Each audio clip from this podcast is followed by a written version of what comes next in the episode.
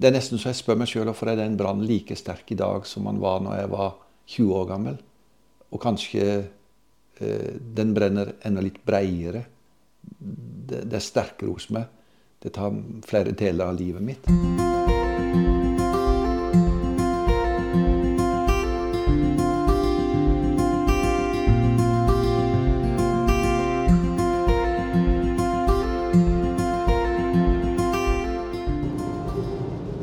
På Pastorpodden. Jeg heter Jostein Ørum. Og jeg sitter og kjører bil i øsregnet på vei til Tvedestrand. I dag skal vi snakke om det å stå i pastortjenesten gjennom et helt yrkesliv. Så derfor skal jeg nå snakke med Arvid Hunemo. Han bor i Tvedestrand som pensjonist. Arvid er en god mann, og jeg har noen spørsmål jeg gjerne vil stille han. Eh, Hvordan var eh, veien fram til pensjonistlivet? Heng med.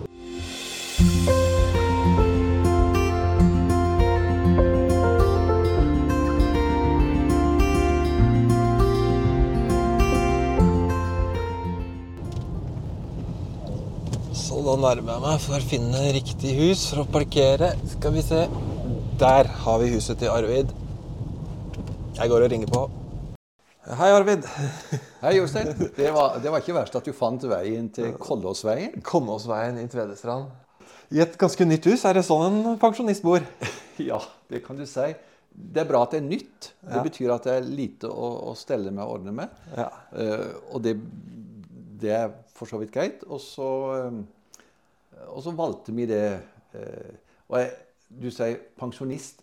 Jeg er jo 65 år Ja. og opplever ikke at jeg er pensjonist, men jeg tar ut pensjon. Det litt- Ok, litt- det Er det noe med selvbildet, eller er det noe med Kanskje det. altså, eh, ikke vel, Hvis du tar 30 år tilbake i mitt liv, da, så, og jeg så på en pensjonist, så tenker du han er ferdig. Ja. Han er liksom eh, oppbrukt, og kanskje ubrukelig. Ja. Mens jeg tenker at det, er, det er så masse energi i meg, og så mange krefter igjen. Og så har vi jo et fantastisk samfunn som gjorde at jeg kunne ta ut pensjon 65 år. 65 år. Og så, og så flytta vi inn i leilighet i Tvedestrand, og, og det var med, med en helt spesiell hensikt og begrunnelse, fordi at vi har barnebarn i området her. Ja. Eh, åtte stykker. Alle barnebarna er innafor Så Tvedestrand. skal du bestefar tett på barnebarna. Ja, f.eks. nå til fredag skal jeg ha seksåringen alene. Ja. Da er det fint. ja. Da er dette et fint sted for det. Ja, jeg føler at stolen jeg sitter i som lener seg så deilig bakover nå, den, eh, den har ikke mange sittet i, føler jeg. Nei, det er ganske nytt, og det hadde sammenheng med at det å flytte de møblene vi hadde inn i denne vesle leiligheten, passa ikke. Ja. Så det ble et valg om det, og så, og så OK. eh, Så har vi ikke veldig utsikt, men vi kanskje har noe vakkert å se på inne. Ja, og ja. veldig fint og funksjonelt. Lukter litt nytt til og med. Kaffen er nybrygga. Munkene står på bordet, som det heter. Altså, Ja. lo, litt uh, lokal Det er en lokal variant. Ja, men det er fint. Det var deilig.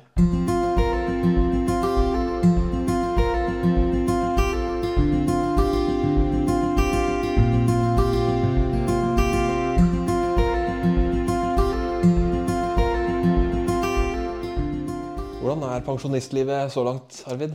Ja, det er fint. Altså, det å slippe ansvaret, det, det er nok det det handler om. Ja, For det er ganske kort tid siden du gikk Ja, ut første, i se- 1. september. Ja, og nå er vi på en måte noen få uker etter det. Ja. Men det å Nei, slippe altså- ansvaret Ja, det, det å slippe ansvaret og det, det åpner seg opp et landskap. Ja. Eh, litt mer eh, at jeg må styre og bestemme sjøl. Ja. Eh, og, og, og ikke ta så mange initiativ, men jeg må respondere på initiativ og, og finne ut av For det som er liksom trøkket hos meg, eller det som er brannen i meg, kan jeg si, det er jo å være med å formidle evangeliet og forkynne Ja. evangeliet. Og være med å, å hjelpe mennesker til tru og til en stødig tru. Det er liksom det som er, er brannen i meg, og den det- er ikke mindre. Det har ikke endra seg ved endra status? Nei, altså det som eh, Jeg, jeg tenker sjøl at det er, det er nesten så jeg spør meg sjøl hvorfor er den brannen like sterk i dag som den var når jeg var 20 år gammel. Og kanskje eh, den brenner enda litt breiere. Det, det er sterkere hos meg. Det tar flere deler av livet mitt. Det er nesten forundra meg på, og det kan jeg ikke forklare helt hvorfor det er sånn. Men, men når jeg da ble pensjonist, så var det ikke for å tenke at det var en slutt, eller for å tenke at det var et punktum. Det var mer for å så, å så slippe det ansvaret og all detaljplanlegging, alt det som du skal tenke på. Altså I Frikirka så er vi jo som pastor og forstander så er du daglig leder. Du, du leder på en måte en bedrift. Og det som pensjonist nå skal jeg ikke lede noen annen enn meg sjøl. Og det er tøft nok, det, altså. Ja, det er tøft, ja. Eh, og så handler det litt om det livet som Lillian og meg Vi har vært gift i 42 år. Mm. Og hun har jobba i turnus i alle år etter hun begynte i full jobb. Og jeg har jobba 100% helger. Og det å kunne f.eks. reise til kameraten min i 59-årsdag en tirsdagskveld og tenke nå kan jeg bare reise på det. Mm. Det er liksom litt nytt. Ja, Ny luksus. Det er, en, det er en ny luksus. Ja. Men så har jeg sagt ja til Så den første høsten nå, så skjønner jeg at eh, eh Altså, jeg har jo ikke hatt erfaring før som pensjonist. Eh, og i min rolle. Så jeg, jeg, jeg, skjønner jo at denne veka her så er jeg opptatt liksom hver kveld. Mm. Og det var litt heftig igjen. Ja. Det ble litt voldsomt. Ja, Du må lære deg noe nytt? Jeg må, ja, jeg må lære litt nytt og ja. noen nye grep. Og, og, da er det egentlig Og det, det som var mitt problem et, En av sakene for meg i livet, det er det å svare nei. Mm. er veldig vanskelig. Ja. Men jeg har jo skjønt at når jeg svarer ja på en ting, så har jeg jo alltid svart nei til en annen ting. Det er jo alltid mm. sånn. Mm. Sånn at uh, en må vekte hva det egentlig svarte ja til, som jeg samtidig sa nei til. Det er litt sånn interessant. Så pensjonisttida så langt det, Jeg gleder meg. Jeg blir jo spurt om å reise til komme til plasser til gudstjenester og til møter og samlinger. Og, mm. og litt mentoring og veiledning. Og det syns jeg er veldig fint. For nå skal vi snakke om Ikke så mye om det pensjonistlivet som ligger foran deg, men vi skal se litt bakover. Altså, er, dette er Pastorpodden. Mm. Vi snakker om ulike sider ved pastorliv, og det, det, tar vi litt sånn i episode for episode, bit for bit av den tjenesten. Men i dag skal vi ha et litt sånn større blikk. For nå skal vi kanskje se bakover på det yrkeslivet du har bak deg. Ikke for å mimre, men for å se hvordan har det vært å være pastor. Hva har du lært, og kanskje det til og med er noe det går an å lære for dem som hører på det her? Ja, kanskje det. Og, og for å si det at når jeg, jeg begynte jo i 78, det er veldig langt tilbake. 45 år. Mm. Eh, jeg begynte veldig ung og uerfaren og uskolert. Mm. Det er min Og så er jeg lekmann mm. i den forstand at jeg ikke hadde tatt noen utdannelse med formell utdannelse. Men jeg var jo veldig tent på det. Og så reiste jeg i 17 år som forkynner i Indremisjonen. Og da reiste jeg rundt på bedehus og i kirker og, og prekte. Og det var, det, var, det var, fint. Eh, men i 1995 så kom det spørsmål om jeg ville bli pastor mm. i Øvrebø frikirke. Ja.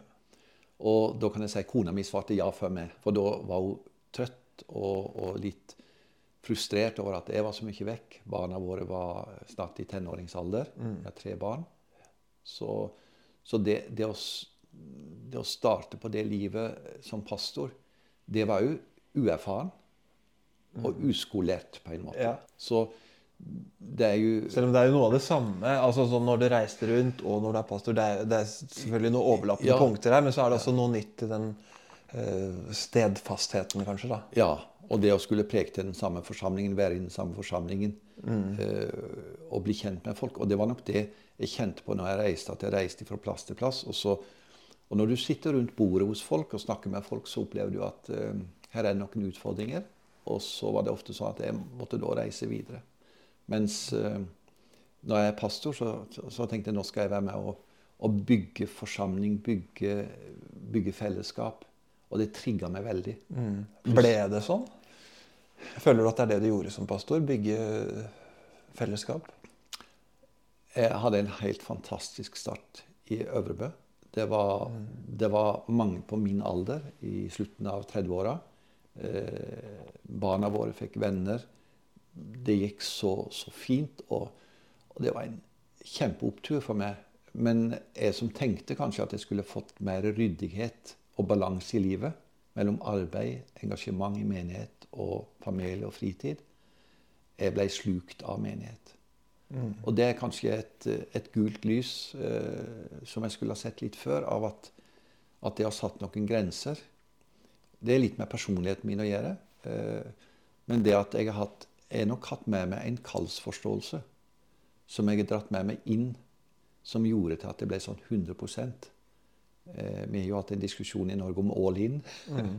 og det har vært min greie i livet. All in. Ja. Altså, jeg ville eh, Jeg kan si en av de verste anklagene jeg tror jeg kunne få, og hvis jeg har fått den, at jeg ikke jobba nok, mm. at jeg ikke sto på nok, Nei. det ville være veldig djupt i meg å få den anklagen. Så jeg måtte sørge for at den aldri ble reell. Mm. Og det tenker jeg at eh, jeg skulle ha lært meg ganske tidlig øvd meg i å skuffe folk med å si mm. nei. Jeg skulle ha satt noen flere grenser. Men samtidig så kan jeg si det litt grenseløse engasjementet som jeg hadde helt fra starten av, hadde en sånn payoff uh, i, i, forsamlingen. Altså Det er en sånn dobbelthet i det. Eh, og, og, da, og, da, tenker jeg altså Første Korinterbrev kapittel 3 så sier Paulus 'Hva er vel vi? Hva er vel jeg?' Mm. altså, så samtidig så vet du at vi er Guds medarbeidere. Så på en måte Gud er helt uavhengig av oss. Altså Han klarer seg veldig godt uten oss. Samtidig skjer det noe når han, når han blir brukt. Det er en sånn miks av det. Mm. Uh, og så tror jeg at, uh, at, mange av de tingene jeg gjorde, var, var bare egeninteresse. Altså Jeg er en systematiker. Jeg liker å ha system, jeg liker å ha orden på det. Jeg liker data, jeg liker sånne tekniske ting. Så det er klart jeg bruker masse tid på ting som, som på en måte ikke er produktivt i den forstand. Som, så, men jeg starta der, og så fikk vi oppleve en åndelig jeg, jeg, kaller det en sånn åndelig oppvåkning. En, et, og, og begynte f.eks. med alfakurs. Mm. Det var en fantastisk læring for meg som hadde stått i vekkelsesmøtets tradisjon. Mm. Der du hadde litt sånn tradisjonell invitasjon til møte. Ja, det var en form på det. Ja, det er en sånn dramaturgi i det. Altså, du, du, du, vet den talen skal komme, du vet den slutten skal være. Altså, og, og, dette her og jeg har aldri vært en typisk vekkelsespredikant um, i forståelse liksom, av å, å, å, tenke virkemiddel som, som effektfullt. Men jeg, jeg, har alltid stått liksom, i en sånn lengsel etter at mennesker skulle komme til tro. Så da har jeg tenkt ok, det er metodikk, men, men kan Gud liksom gi så, så, det var jo, jeg hadde jo opplevd at mange mennesker kom til tro. Ved å, spesielt ved å invitere fram til en alterring. I kirke, Det var det fineste jeg syns. Jeg sto i kirke og sto ofte i det. Hadde møteaksjoner og så kunne invitere folk fram. Og, og de øyeblikkene når jeg så voksne folk kom, unge folk kom, bøyde kne ved alteret og sa på den måten bekjente det. At jeg ville ta imot Jesus. Det var, det var liksom toppen for meg. Mm. Men så begynte vi med alfakurs. Ja. Og da måtte jeg måtte lære mer at dette å komme til tro for mange mennesker er en prosess.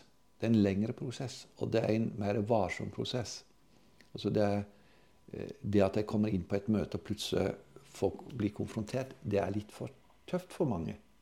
Så det å invitere med seg ikke-kristne, det, det syns jeg var helt fantastisk. Og der satt jeg ti kvelder, og så hørte jeg på og på en måte det samme, litt mer systematisk, enda bedre enn vekkelsesmøtets mm. innhold, etter mitt skjønn.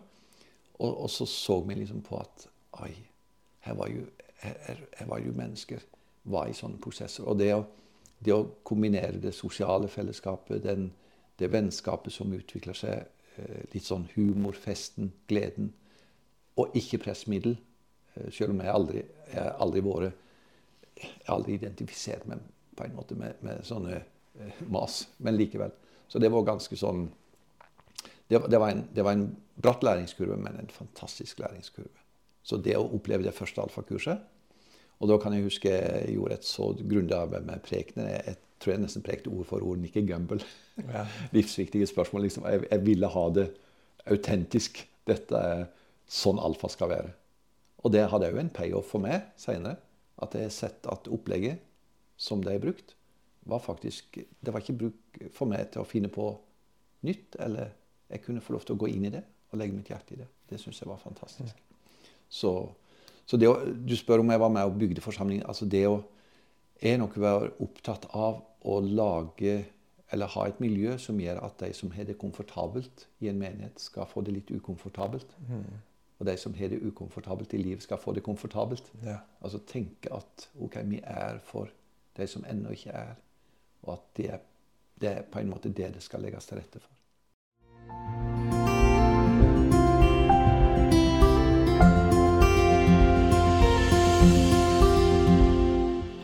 Men så da starta du altså, altså Først var du jo evangelist og omreisende predikant, og så starta pastorlivet ditt i Øvrebø med denne omstillingen til eh, forskjellen på å reise fra sted til sted og til å ha de samme menneskene å stå til ansvar for fra uke til uke, nærmest.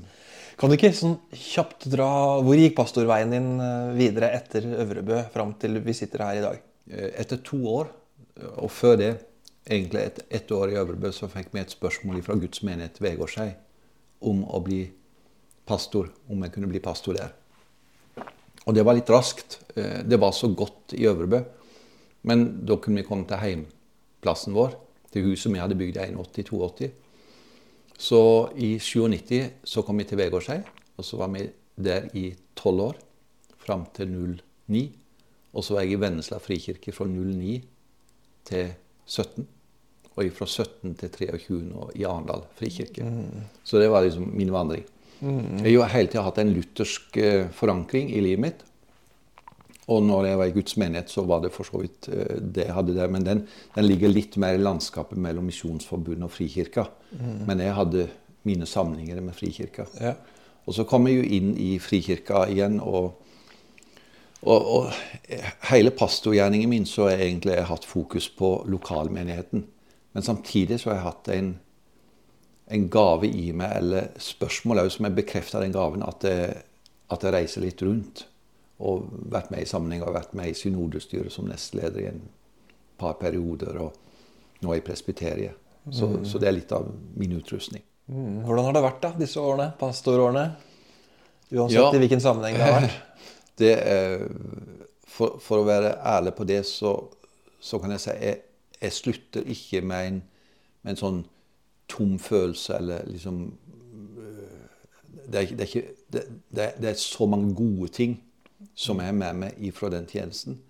Men når jeg, når jeg liksom skal vurdere det, så må jeg være ærlig og si at den har tatt mine krefter. Mm. Eh, tatt både hodearbeidet mitt og hjertelivet mitt. Og, og det har vært noen tøffe tak. Jeg har hatt et par år i løpet av de 28 åra som var veldig tunge, eh, og som gjorde at jeg nesten satt eh, og tenkte dette her orker jeg ikke mer. Mm. Så, så det, det, det, har noen, det, har vært en djup dal, men den varte i et par års tid. Ja. Ellers har jeg vært med på Og jeg er likt, jeg nok likt mye mer menigheter i, i, en omstilling og endringsprosess enn jeg har likt platå. Mm. Jeg er nok ikke en pastor for å drive det jevne arbeidet sånn vi har alltid gjort det. Nei. Jeg er nok, jeg elsker endring. Og noen sier endring for endringens skyld er ikke nødvendig. Men av og til så tenker jeg nesten det, bare for å løve seg på at det skjer en endring, om vi ikke vil det. Ja. Så jeg, jeg er initiert og vært med i alt ifra praktisk byggeprosjekter eh, fra noen millioner til 25 millioner. Jeg har vært med i byggekomité eller i, i, sånn byggearbeid. Og jeg har vært med å innføre alfa. Jeg har vært med og, og tatt lærdommer. tenker jeg. Og jeg, og jeg, jeg har hatt alltid en sånn appetitt på å hente impulser fra andre sammenhenger uten å tenke at den adopteringen skal skje uten å tenke stedegent, mm. lokalt. Nei. Du har vært endringsvillig. Veldig. Mm. Uh, og det er en det er en utfordring uh, det, det, har vært en utfordring for, for, meg i møte med mennesker som er jo veldig glad i det som, som er der. altså det var et menneske som sa i Vennesland, når forsamlingen økte, det ble flere og flere, så sa jeg, jeg trives jo ikke så Det er ikke så lett for meg lenger, for jeg kjenner jo ikke alle Nei. på gudstjenesten. Nei. Og så tenkte jeg yes, så bra mm. at du ikke kjenner alle. For det er et godt tegn på at det er noe som skjer, nye mennesker. Men det, det betyr jo en endring. Altså Det relasjonelle forholdet endres. Og, men jeg tenker at altså organisatorisk Det tenker jeg er endring. men men den djupeste endringen, og, og, som er den vanskeligste, det er jo, det er jo dette her å, å endre fra innoverfokus til utoverfokus. Det å, det å være misjonal, det å være et, eh, mm. være et, fellesskap som vil det, som jeg tenker er Guds hjerte. Så, så i løpet av liksom de 28 åra så tenker jeg at uh, det, har vært, uh, det har vært en fantastisk reise. Men ikke uten humpler Nei. og noen stryk å gå igjennom. Nei, du Kan du si litt mer om de strykene eller de par vanskelige årene? Kan vi få være med deg inn i de årene? Ja. Eh, jeg kan si sånn generelt gjennom tjenesten, så, og, det, er ikke bare på de to årene, men, men, det handler jo om mitt eget liv, min egen kamp, min, mine egne fristelser. Mange, mange, tenker at du er en åndelig person som pastor. At du er liksom veldig sånn ja, overpå. Du, du har ting på stell.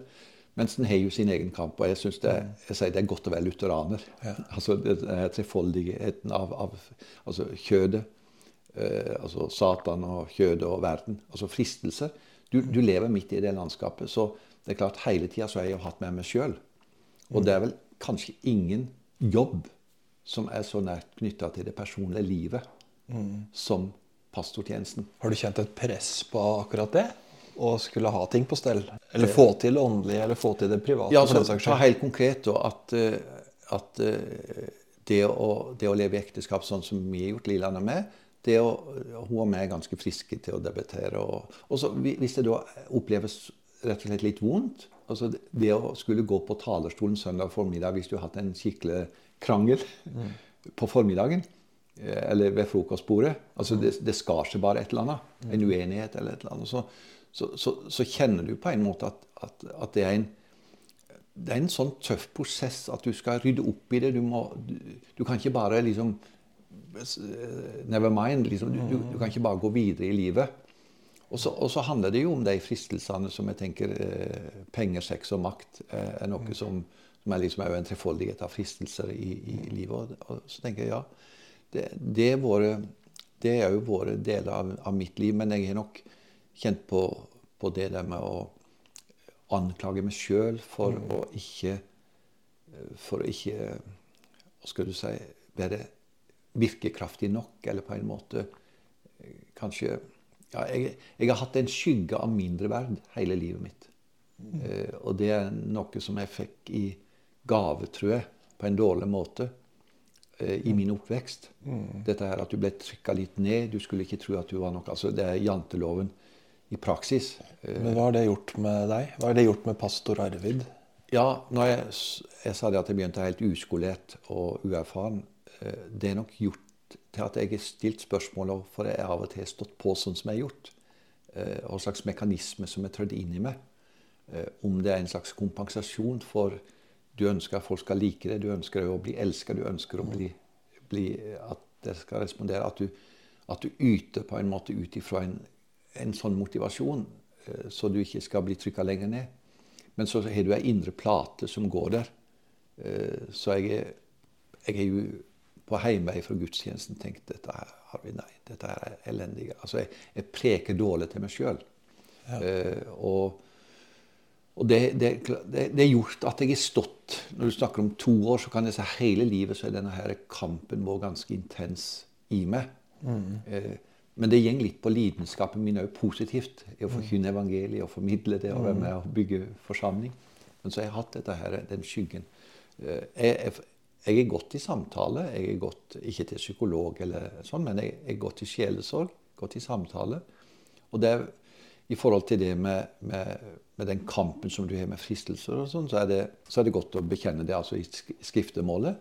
Altså når en skriftefar, som vi kaller det, mm. legger hendene på det og sier i Faderens, Sønnens og Den hellige ånds navn, så tilsier jeg deg alle dine synders nådige forlatelse. Mm. Det er jo en eh, Altså de som ikke opplever det, det vil jeg kalle en sånn åndelig frihetsberøvelse. Mm. Altså det, det, er en, det er en åndelig frihet i å bli satt satt fri ved en håndspåleggelse med, med skriftemålet. Mm. Og det har jeg erfart i livet mitt. Og så har jeg snakka gjennom og, Men det som har vært de dype dalene, det er, det er konflikter. Mm. Og det er, det er, noe som du ikke kan bli involvert Du trenger ikke bli involvert i det i, som pastor i en menighet uh, voldsomt, men du blir alltid involvert i konflikter på et eller annet nivå. Mm. Og av og til bli, bli en, en, del av konflikten selv om en ikke mm. ønsker og absolutt ikke er noe menn. Men jeg, jeg, har, jeg har, hatt, uh, hatt utfordringer et par år i forhold til, til det en kan kalle en dysfunksjonell person. Eller en, uh, mm. det ville, Noen bruker ordet psykopat. Mm. Altså Der jeg var inne i en sånn spenning i det, og det var en person som krøp inn i meg. Og det gjorde noe med deg? Ja. tok hele plassen. Altså, Ja. eh, I den tida så, så fikk jeg god hjelp av en, eh, en eh, rådgiver. Og jeg fikk òg lesebøker til, til han godeste Edin Løvaas. Eh, og eh, for å si, jeg, jeg, ikke, jeg, jeg er litt naiv som person. Jeg tror veldig godt om folk. Og jeg, tror at ting kan løse seg eh, ved en samtale, ved et treffpunkt, ved en kopp kaffe. Jeg har, hatt, har hatt det som en lærdom i hele livet som eh, Ja, det å skrive brev er for meg en veldig dårlig form, for brev blir liksom liggende, og det kan bli brukt. Og du får ikke sagt alt, og kroppsspråket er ikke synlig i et brev. Mailer er enda dårligere. De blir ofte sendt sent på kvelden. Og, Så jeg har nesten alltid sagt i Eldsterådet sånn, la oss ikke skrive brev, men la oss gå hjem, drikke kaffe og snakke med folk. Og når du kommer inn i en konflikt med personer der det ikke går, der, du, der du merker at det som blir sagt i det rommet, gjelder ikke. Eh, Tilgivelsen gjelder heller ikke.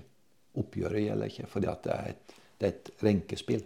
Og det var jeg involvert i et par år. Og det gjorde noe med hele Altså ikke bare pastor Arvid, men hele, hele livet ditt, da. Ja, og det, og, og det gjorde nok med relasjoner til mennesker som, som gjør at du Det verste er jo for en pastor å oppleve at du kommer i konflikt med folk du ikke er i konflikt med.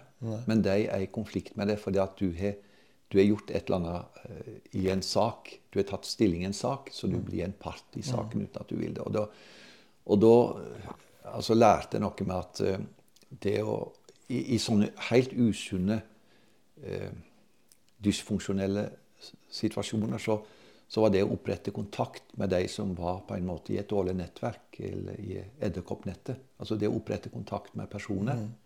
Og ikke få det på de sider, men bare vise godhet. Mm. Jeg husker veldig godt eh, en person som jeg møtte i bil, eh, og som jeg rakte opp hånda til, sånn som jeg bruker å gjøre når jeg liksom var kjent ansikt, og så kom ikke hånda tilbake. Nei. Eh, og jeg tenkte jeg skal, jeg skal opp med den hånda hver gang. Ja. for fordi at eh, det er, det, er det er jo veldig viktig. Jeg tenker at eh, det å behandle folk likt som pastor, altså at du ikke er at du liksom forskjellsbehandler folk. Det er noe du syns er veldig stas å møte andre. Altså, For meg det var viktig å være glad i folk.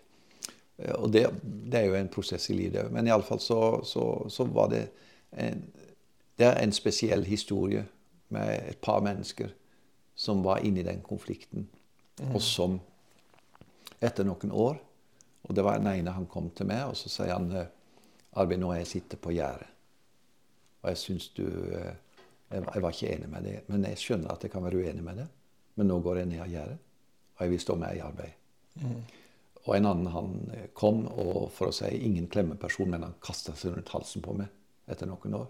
Og ga meg bare en klem som et tegn på at eh, vi er mer enn buddies.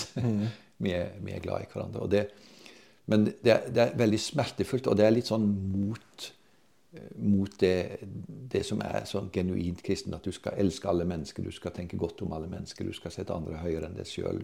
Men så møter du altså det å møte i en sånn konflikt personer som er dysfunksjonelle, og som, som det ikke går an å reparere.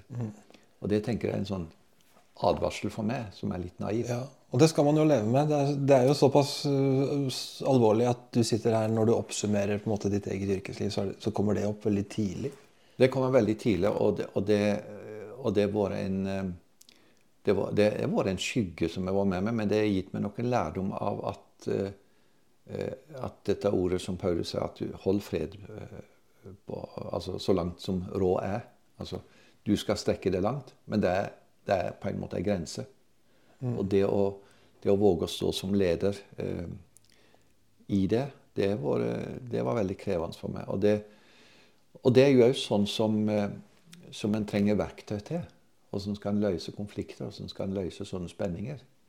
Eh, For meg det var veldig viktig å ha relasjonelt forhold til folk. Altså ikke løse det gjennom vedtak eller, eller, eller brev. Eller, altså, det, det er relasjonelle forhold som, som gjelder. Eh, Eugene Peterson, han eh, som har oversatt The Message, eller denne parafrasebibelen på engelsk, som er veldig populær, han har noen fantastiske intervju på slutten av livet sitt. Og han har vært pastor i, i menigheter, i forholdsvis små menigheter i USA. Og, og han blir jo spurt om hva er det å være pastor. Og han sier 'it's relational'. Det er relasjonelt. Og så sier han 'it's relational'. Og så sier han det tre ganger. Det er det det handler om.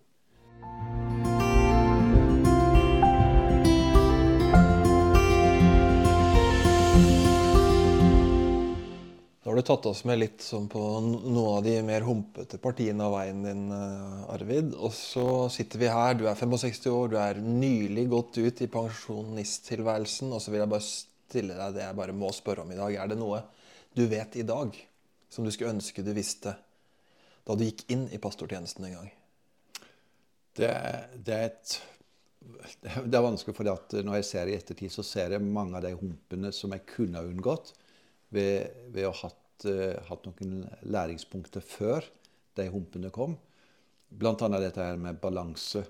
Det å kunne sette noen grenser. Mm. Og jeg skulle nok ha, ha, hatt en tettere Og det, det er jo Frikirka tatt lære om, en, en tettere oppfølging på en som starter i, i pastortjenesten. Så at han, uh, at han får en, en, mye tettere og nærere oppfølging, veiledning, mentoring. Uh, jeg skulle absolutt hatt det. Mm. Og ser at verdien av det er så viktig. Mm. Opplever du at det har blitt bedre? Det er Absolutt. Det, det er bedre. Og, og, jeg tror oppmerksomheten på, på det, den pastortjenesten som en, som en litt sånn farlig ensom-tjeneste eh, er blitt mye mer eh, tydelig for, eh, for arbeidsgiver. At han klarer seg ikke sjøl. Mm. Så det er ingen pastor som bare klarer seg sjøl, og som, som, kan For å si de pastorene som går inn i sin egen boble og bare lever der, kan være etter mitt skjønn litt farlig. Farlig på to måter. At han går bare tom og, og, og på en måte blir uvirksom. Mm. Eller at han får for stor plass og, og blir glad i sin egen tjeneste. Jeg sier en pastors store synd, eh, og det er kanskje litt dristig å si det, men jeg sier det med, med blikket på meg sjøl det er sjølopptattheten. At du får så fokus på det du driver på med, for du er så utførende i, i så mange situasjoner. Du er en rolle, en posisjon, som gjør at du er den fremste. Du er den som blir regna med der, som skal si ting. Og så kan du få Så, så jeg, jeg, kan si hoved, hovedlæringspunktet tilbake er nok at det skulle vært en tettere oppfølging. Eh, kikke meg litt mer i korta på en positiv måte. Mm, at du skulle på en eller annen måte ha knytta til deg folk som kunne ja. og, og, og, gå med deg? Og det, og det, er klart, det at menighetene i Norge i Frikirka er så små at mange har en ensom aleneansatt, nesten aleneansatt Det er blitt, blitt litt bedre, men, men, det å stå ganske alene i tjenesten, det er, en, det er både en stor utfordring, en stor, et stort ansvar, og en, en, fare med det, som jeg tenker ja. Så jeg har jo vært litt sånn altså det, For å si det er jo en svakhet hos meg, og kanskje en styrke. Det at jeg, ikke at jeg likte å gjøre det på min måte, men jeg har vært veldig autonom. Det kommer litt av den tjenesten jeg begynte med, at jeg måtte sette i gang min egen arbeidsdag. Eh, reiste og bodde hos folk. Jeg måtte liksom ta initiativet sjøl. Det var ikke noen som pekte på meg og sa det at det og det. Men jeg, tok, jeg var en veldig proaktiv person. Og det tenker jeg at uh, var vært en veldig sånn det, det, er en pluss. Og samtidig så, så er spørsmålet uh, altså Når jeg har hatt eldsterådsleder som jeg spurt med og stilt spørsmålet ja, men skal du drive på med det? Det er et godt spørsmål. Og som jeg har hatt nødvendighet av å bli spurt. Fordi at jeg har hatt lyst til så mange ting. Hatt engasjement på så mange ting. Og så tenker jeg OK. Altså Når du går inn i tjenesten, så tenker du det skal være en åndelig tjeneste. Men så får du mange ting som er helt prosaiske. Helt alminnelige, rutinemessige ting. Så de som tenkte at når jeg blir pastor, da skal jeg bruke tid til å be, eh, og jeg skal lese, jeg skal forkynne, jeg skal formidle. Og så, og så, skjønner du at det er mye mer komplekst enn som så. Mm. Så, så, hvis du tenker at det er en, en sånn privilegert stilling for åndelig liv, åndelig vekst, så må du Så det er ikke det, altså? Det er ikke det. Nei. Nei. altså, Pastoren kan gå fort tom åndelig mm. uh, i, i, den tjenesten. For det er rett og slett altså Spørsmålet som Jesus stilte Peter, 'Elsker du meg mer enn disse?' Mm. Og jeg sier, Kanskje han kunne ha spurt meg 'Elsker du meg mer enn en, en menighetsarbeid?' Altså dette, altså disse og dette. altså Alt det du har lyst til å være engasjert av. Og er, og, og, og er pri én i livet ditt. Hvordan har du fått til den uh, i livet, det der å det, det åndelige aspektet? altså å holde den flammen ja, brennende? Eh, altså, det, og der er igjen den der indre plata mi. Hvis du spør liksom, jeg har fått det til Jeg har jo ikke fått til noen ting. så, men så, så og det går jo på balansepunktet i livet mellom, mellom den ytre aktivitet og det indre livet. Eh, og og jeg har jo, jeg jo min bakgrunn i en sånn litt pietistisk tradisjon. Pia desideria. Det ene nødvendig, ett er nødvendig. Så jeg har vært veldig fokus på Bibel og bønn fra helt unge år. Så, så jeg har jo dratt med meg den, den, bevisstheten eller gaven, men jeg har jo sett at det, det er jo der kampen står for en pastor. Mm. Å være ved kilden, eller å, eller å ha en balanse mellom det indre livet påfyllet, eh, fornyelsen, eh, hvile, ret, retriten, trekke seg tilbake, og det å stå fram. Men du spør meg om jeg har fått det til, så kan jeg si at uh, jeg, jeg, føler mer at, at jeg har, har, tatt mange elementer. Og, og, det, og det, er interessant. Liksom, når jeg er ferdig med pastorgjerningen, så merker jeg at hva er det som fortsetter i livet mitt, som, som ikke var pastorgjerningen min, men som er livet mitt. Og det er Da merker jeg den brannen etter å lese i Guds ord, til å, til å lese stoff. Altså jeg, jeg, ser det at jeg ikke har gjort det primært for å formidle. Jeg har gjort det fordi at dette er liksom. Ja, Den innsikt du har fått nå i pensjonslivet, at det var, ikke, det var der fordi det, ja. det hadde vært der uansett? Altså, jeg, jeg legger, nå skal jeg sette opp en svær bokhylle i et annet hus som jeg har. Altså, fordi at jeg elsker bøker. Jeg skal, jeg skal fortsette med det.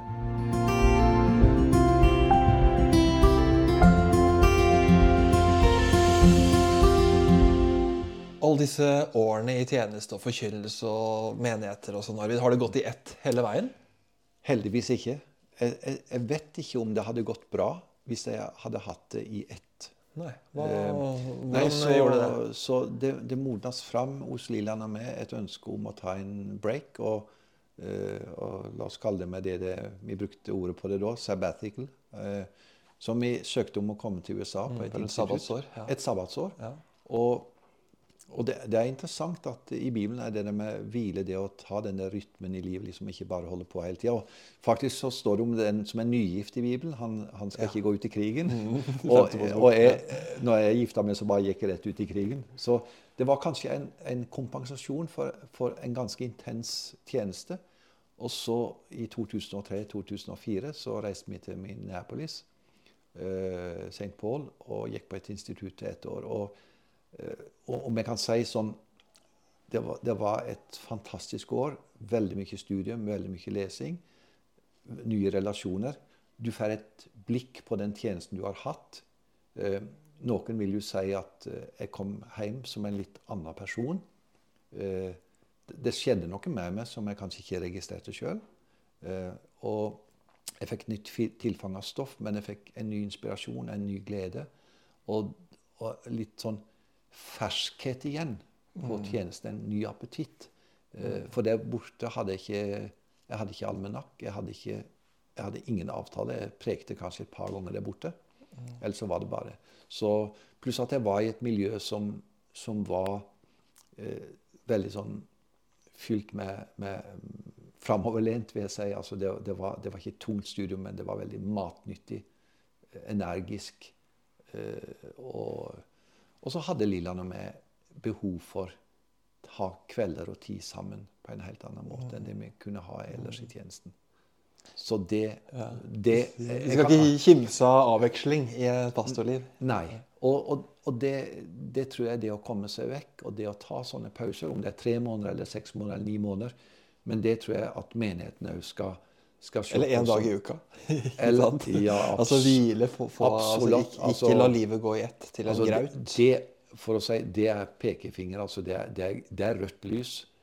Du, når jeg snakker med folk, og de sier til meg 'Når har du fri?' så sier de 'Nei, jeg har ingen fridag'. Det går liksom i ett. Så sier jeg 'No way'.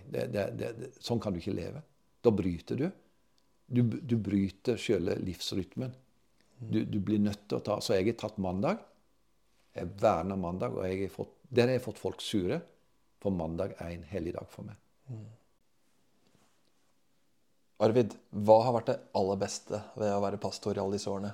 Det er å være med i en forsamling som, eh, som går i en retning som uh, søker å vinne mennesker for Jesus. Det er, det er, det som brenner mest hos, hos meg, og som jeg opplevde opplevd i et fellesskap. Og, så, og, så, er det jo veldig mange elementer i en menighet som er Det å komme sammen til gudstjeneste. Det å være sammen innenfor Guds ansikt, det å ære Gud, det å tilbe Gud, det å bekjenne Hans navn det i fellesskap. Jeg, vel, jeg, en, jeg tror jeg er en ekstrovert person. Uh, uten å liksom ha sånn cut på det. Men, men det, å, det, det, å, ha opplevd fellesskap altså Noen av de beste stundene jeg har hatt, det er når vi er sammen som forsamling. Og det, det er liksom en sånn samhørighet og et sånt fellesskap. Du kjenner ok, du, du, er lyst, du er liksom lyst til at det skal bare vare. Sånn skal vi ha det. Altså, det er litt sånn uh, på fjellopplevelse. La oss bygge tre hytter. Nå var det så fint her, så godt. Og du har ikke lyst til å gå hjem. Det kan være en en søndag formiddag, det kan være en kveld. det kan være liksom, Alt det vi opplever sånn, er litt sånn Ikke bare litt, men det er noe smak av det fullkomne en dag. Det er, det er en duft av det som skal komme. Så du kjenner litt Det er sånn fellesskapet er. Det er sånn kjærligheten er. Det er sånn livet er. Så, så altså Guds rike står ikke mat og drikke, det står i en spesiell sammenheng i rommet. Men så står det men fred og glede i Den hellige ånd. Og det å kjenne det. det og, og, og det, det, som er fantastisk, det opplever en midt i det ufullkomne fellesskap som en menighet er. Altså det, det med alle de cracks, alle de der såra og smertene og alt det du vet er i en menighet. Eh, altså du, du har mista hele illusjonen om å ha en, ha en, liksom en sånn eh, feilfri menighet eller problemfri eller knirkefri menighet. Det, det, det fins ikke. Og Derfor i Efeserbrev 5 som det står at Gud elsker menigheten og ga seg sjøl for den. Det gjorde han. Og han elsker menigheten sånn som den er, ikke sånn som den burde være. Og de erfaringene som jeg har hatt, det har vært helt fantastisk. Men, men det, det, å oppleve at det er sånn utover en sånn kjærlighet til mennesker, eh, det har jeg erfart i menigheter og i fellesskap. Hva kommer du til å ville ta med deg videre inn i pensjonstilværelsen fra pastorlivet ditt? da? Ja, jeg, jeg, det er klart en er litt spent på, fordi at eh, hvis en gikk ut fra en bedrift der en hadde jobba med en spesiell ting, så tenker en nå skal jeg liksom være ferdig med det. og Så, mens, mens, det som er ferdig med pastorgjerningen, det er de daglige tinga med programarbeid, med annonsering, med huske på det og huske på det. Og så, og så merker jeg at det jeg har lyst til å ta med meg, og det som altså Én ting er all den, den, erfaringen du har, og møtepunkt med mennesker, og gleden over det, og, og læringspunkter i livet. Men så har jeg òg tenkt at hva er det som fortsetter? Jo, det er, det er den der dype lengselen som, som, som, er der etter å få enda dypere dykk i fellesskapet med Gud, fellesskapet med mennesker. Så, så den lengselen er der. Jeg har lyst til det. Jeg er liksom ikke ferdig med det. Og jeg føler meg så lite utlært. Jeg tenker oi, det er så mange det er så mye nytt landskap som jeg kan gå inn i. Og det er klart nå, I dag, f.eks., så så skal ikke jeg på et kontor. Jeg skal ikke, jeg skal ikke måtte ta den telefonen. Jeg må ikke svare på den mailen. Og så tenker jeg nå, nå har jeg muligheten til å sette meg ned. Jeg kan, I går satte jeg meg ned og hørte på, på et, en preken og bare suger inn. Og, og, så var jeg ute og prekte i går kveld, og så fikk jeg meg noen momenter. Så, så det fortsetter på en måte den brannen i meg. Og så og så hvis det kan bli brukt, og det, det vet jeg at jeg har, har, noen oppgaver rundt det å være mentor og veileder, sitte og snakke med, og det er litt tilbake til det som vi snakker om, å, om å dele et språk sammen og et liv sammen, som jeg tror uh, Lilland og jeg leser akkurat nå Filippe-brevet. Vi, vi syns det, det, er bare så For å si det er gøy å lese om Paulus som, som snakker sånn Ja, ja Epafroditus. Altså, han, han er min stridskamerat. Altså, han, han, bruker sånn artige og, og, og, så sier han Timot Ja, og så var han sjuk, men nå har han kommet seg, og nå kommer han snart på besøk, og jeg vil ha glede av det. Og, altså, det alle disse her forholdene som spiller inn i livet, som, i tjenesten. liksom, Åssen vi har det sammen, åssen går det. og, og det, det, å, bry seg om hverandre. Mm. Så, så, er det ting jeg kommer til å savne fra det pastorlivet. Eh, jeg har sagt det sånn at Hvis jeg blir spurt om å preke, så svarer jeg ja så sant jeg kan. Og hvis ikke, så er jeg sikkert prekt nok. jeg tror ikke jeg skal angre på det at jeg ikke skal preke. Men, så, så jeg, jeg, jeg, går liksom ikke og venter på at For at dette livet som jeg lever, det lever jeg. Og så, og så ser jeg hvis det er bruk for det, og det, og det er det til nå. da, så mange strømninger av det jeg har stått i, som fortsetter med, med, strøm i. Så sitter vi her i stua di i dette nye huset og de nye stolene foran den store TV-en, og det aner meg at du ikke kommer til å se på den så mye. Du har, du har nok å gjøre, nok å ta tak i pensjonisttilværelsen din. Absolutt. Takk for praten, takk for kaffen. Det var fint du kom.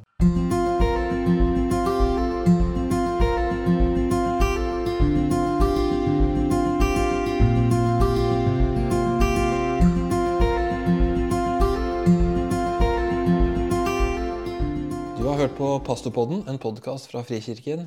Jeg heter Jostein Ørum, og um, lik gjerne episoden eller anbefal den til en venn